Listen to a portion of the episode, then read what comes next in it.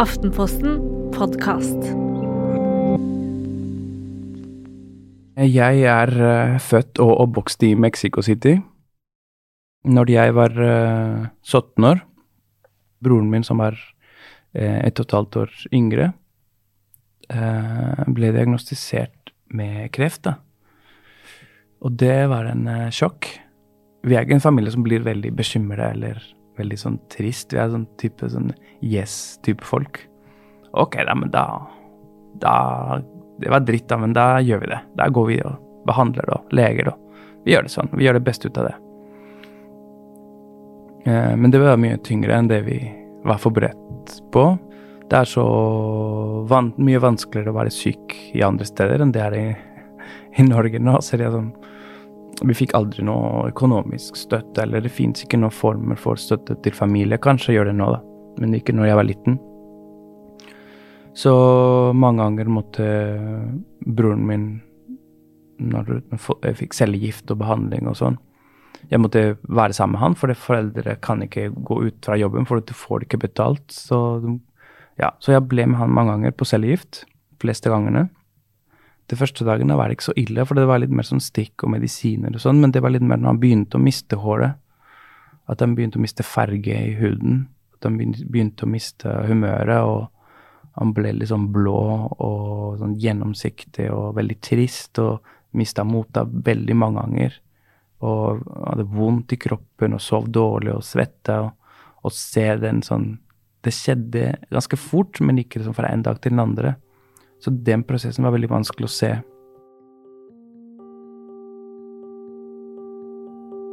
Man føler seg veldig håpløs, fordi det er ingenting man kan gjøre, eller ingenting man For jeg kan ikke gjøre noe med at han føler seg bedre, selv om han er syk. Jeg vet ikke, jeg ikke kan gjøre noe med kreften. Men jeg tenker sånn ah, kan, kan, ikke vi uh, Jeg prøver å ta med puter og teper og sånn blader, og jeg kom en gang med en pornoblad. Uh, nei, det er ikke noe Ingenting var morsom nok, liksom. Til slutt ble jeg litt sånn triste. Jeg, jeg gruet meg skikkelig til å være der. Uh, jeg gjorde det fordi jeg tenkte liksom Hvis jeg ikke er her, er den helt alene.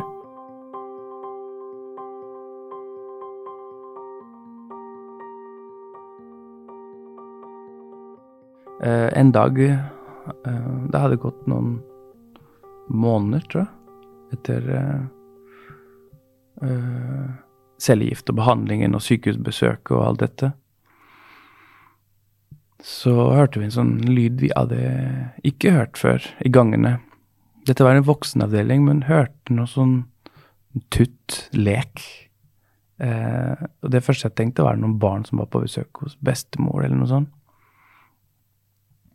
Og ble, den lyden ble til bråk og latter og eh, det er noe rart, men jeg så ingenting fra noen gardiner. Så vi måtte se hva som skjedde. Eh, det var fire-fem eh, mennesker med eh, legedrakter, men de hadde farger og, og de hadde neser. Ja. Røde neser. Og så var det klovner.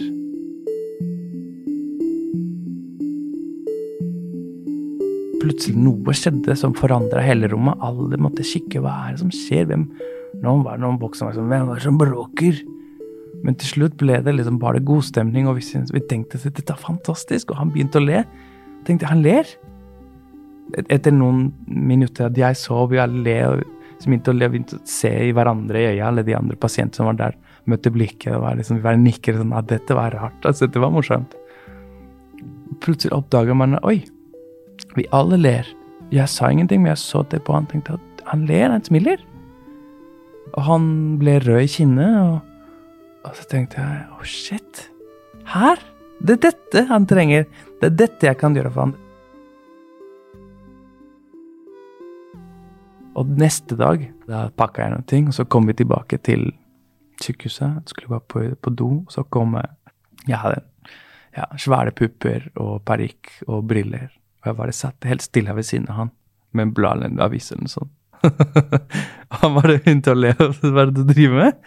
Nei, jeg skal være noen bestemorstemme. Jeg skal være det. Jeg skal lese avisa her litt. Jeg skal bare kose meg litt. Og da det, Så jeg klarte ikke å holde karakter. Jeg bare begynte å le som dette var utrolig flaut. Og så ble alle så på meg komme inn. Så var det begynt å le, og det Naboen på andre siden av rommet begynte å le som hva er, det, hva er dette for noe? Ja, det ble utrolig lett øyeblikk. Det var så gøy.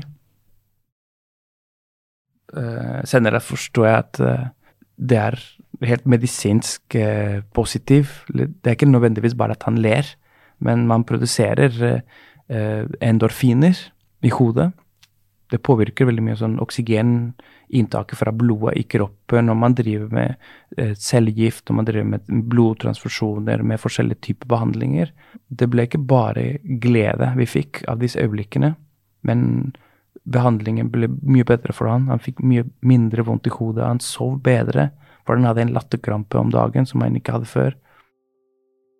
Livet mitt ble forandret fra det øyeblikket. Jeg tenkte dette er noe jeg kan, og jeg hadde lyst til å liksom lære meg av å gjøre dette på det best mulige måte. Så jeg meldte meg inn på det gruppa, teatergruppa. Eh, og ble jeg sykehusklovn.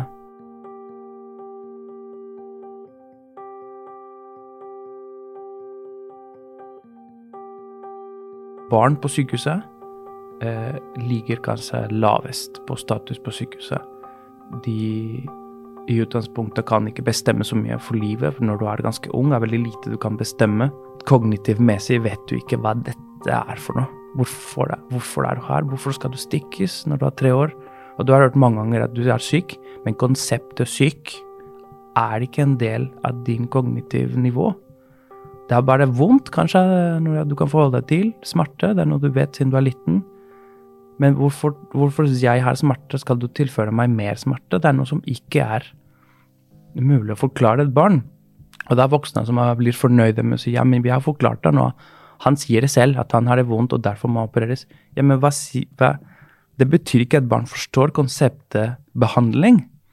Eh, kanskje forstår at det er godhet i det at alle er rundt der for å beskytte og bli det bedre. Men vondt skal du få, og den er vanskelig å, å forklare når du gir makt til et menneske som det eneste Eller de mist, har mista all makta si, og så kommer to dumminger som åpner den muligheten Det er en stor forandring. Det er, den, det er den mennesket som kommer og vinker til deg når du har det vanskelig, og så viser deg den muligheten. Det er det på en måte vi jobber med, den skaper den empatiske øyeblikket. Og det er en, kanskje en misforståelse at klovner går rundt og tøyser rundt og tuller, og det er masse latter rundt det. Det kan hende det er det, men det er ikke det vi går etter. Vi går etter en møte, den kontakten. Og mange ganger har mye å si med dette statusgreiet. Legge seg under. Det er vanskelig å forklare med noen få setninger eller en ting, men det er lettere å forklare med sånn eksempler. da, men det er en sånn fortelling når jeg var observatør i Mexico for lenge siden. Jeg begynte å observere litt, og klovnene kom på rommet, og barna sa til klovnene Jeg skal dø snart. Jeg har få dager igjen. Og det ble så stille, selvfølgelig, men en av klovnene sa vet du hva, jeg er nå, så jeg skal også dø. Og alle ble sånn stille og så på han som du kan ikke vinne for vi lyver ikke, ikke til pasienter. Men sa men jeg, du, men jeg er sikker, jeg skal dø. Det skal vi alle sammen. Og det sa barn, gutten eh, som var på senga, sa nei. Jo, det skal vi alle. Mammaen din skal også, pappaen din skal også det. Her skal dere det? Og så plutselig ble det sånn, å ja, vent litt, skal vi alle dø? Jo, liksom, Vi bare vet ikke når, da, men en dag skal vi det. Det var sånn samtale kanskje man hadde ikke hatt med et barn vanligvis i den alder, men det oppsto der, og det er klovnene som tok opp og sa men jeg skal altså dø. Unnskyld meg. Og så spurte andre klovnen skal du dø, så bare stille. Ja, det tror jeg. Jo, det, det skal du. Skal jeg det? Jo, det skal du en dag. Å, ok. Men han sa men jeg skal dø snart. Da tenkte jeg ok, men den som dør først, får lov til å være kongen på rommet, da. Så barnet sa ok, så han sto på senga og ble kongen. Så kom en sykepleier på rommet. og så klovner stopper sykepleieren. Unnskyld, du kan ikke komme inn. Her er det bare klubb for folk som en dag skal dø. Sykepleieren er helt stille. Hæ, hva er det som skjer her? Så spurte liksom en Vi må kanskje spørre deg, skal du noen gang dø? Så sykepleieren stille, så sa jeg ja, jeg tror det. Ok, kom inn, vær så god, velkommen. Men du må bare vite at det er kongen her, for han skal dø først. og og så en andre klom var sånn rundt 60 år, så sa jeg men jeg er mest sannsynlig neste, da, så jeg er liksom visekongen eller sånn. Jeg vet ikke om jeg skal oversette til norsk. Men det ble en greie, så det ble en fest, og kongen fikk bestemme hvem som skulle prompefest og danse først. og Barna presenterte ikke det som noen dumme ting. det det han visste om seg selv. Han mestra det øyeblikket. Og jeg tenker det er et veldig godt eksempel på hva klovnene kan gjøre med øyeblikket.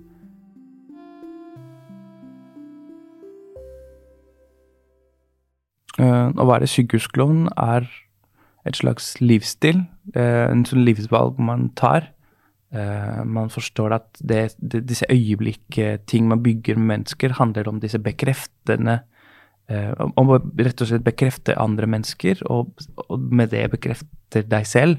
Den klovnen som kom inn når jeg var med broren min på sykehuset, og det eneste han gjorde, var at han så på oss, han smilte og vinka til oss.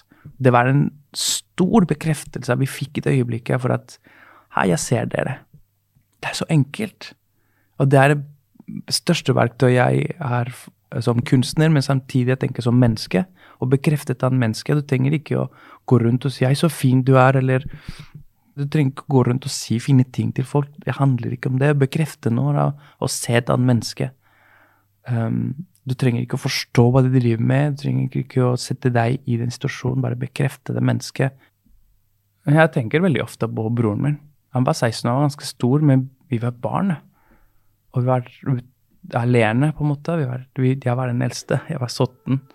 Når jeg møtte 17-åringer nå som var på sykehus, jeg tenkte at du er så sårbar. Du, er så, du trenger så mye omsorg.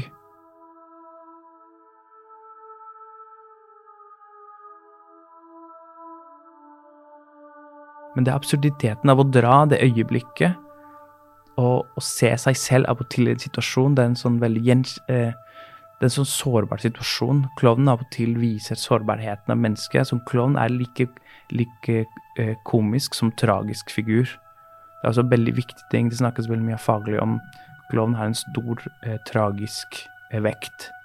For klovnen kan peke på st store tragedier i livet og se det en, fra en annen perspektiv. Ikke nødvendigvis bli en komedie, men uh, det kan også hente ganske mørke sider av mennesket, og, og tilgjengeliggjøre det, for at vi kan alle være sammen i det øyeblikket. Og den gjenkjennelsesprosess skaper latter. Uh, øyeblikket sånn, Du henter noe stort og tragisk og, og tilgjengeliggjør det til andre menneskene. Og det er kanskje en av de største verktøyene klovnen gjør. Å tilgjengeliggjøre livet. Å se andre mennesker, tenker jeg altså er utrolig viktig. Det er ikke sånn at jeg går aktiv og være klovn rundt dagen min. Det er jeg ikke. Men ja, jeg tror det er det.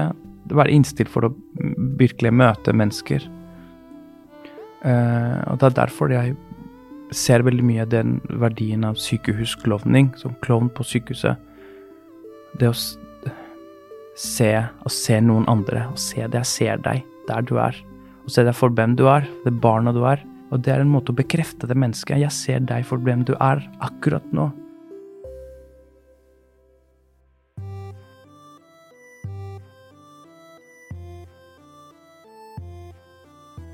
Du har hørt Arturo Tovar sin historie her i Aftenpostens podkast Folk.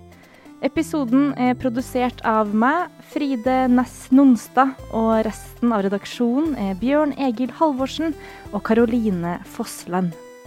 Følg oss gjerne på Instagram på Folk Podkast for å bli bedre kjent med fortellerne.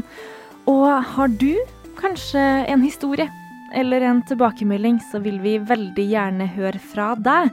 Send oss en mail på folkalfakrøllaftenposten.no.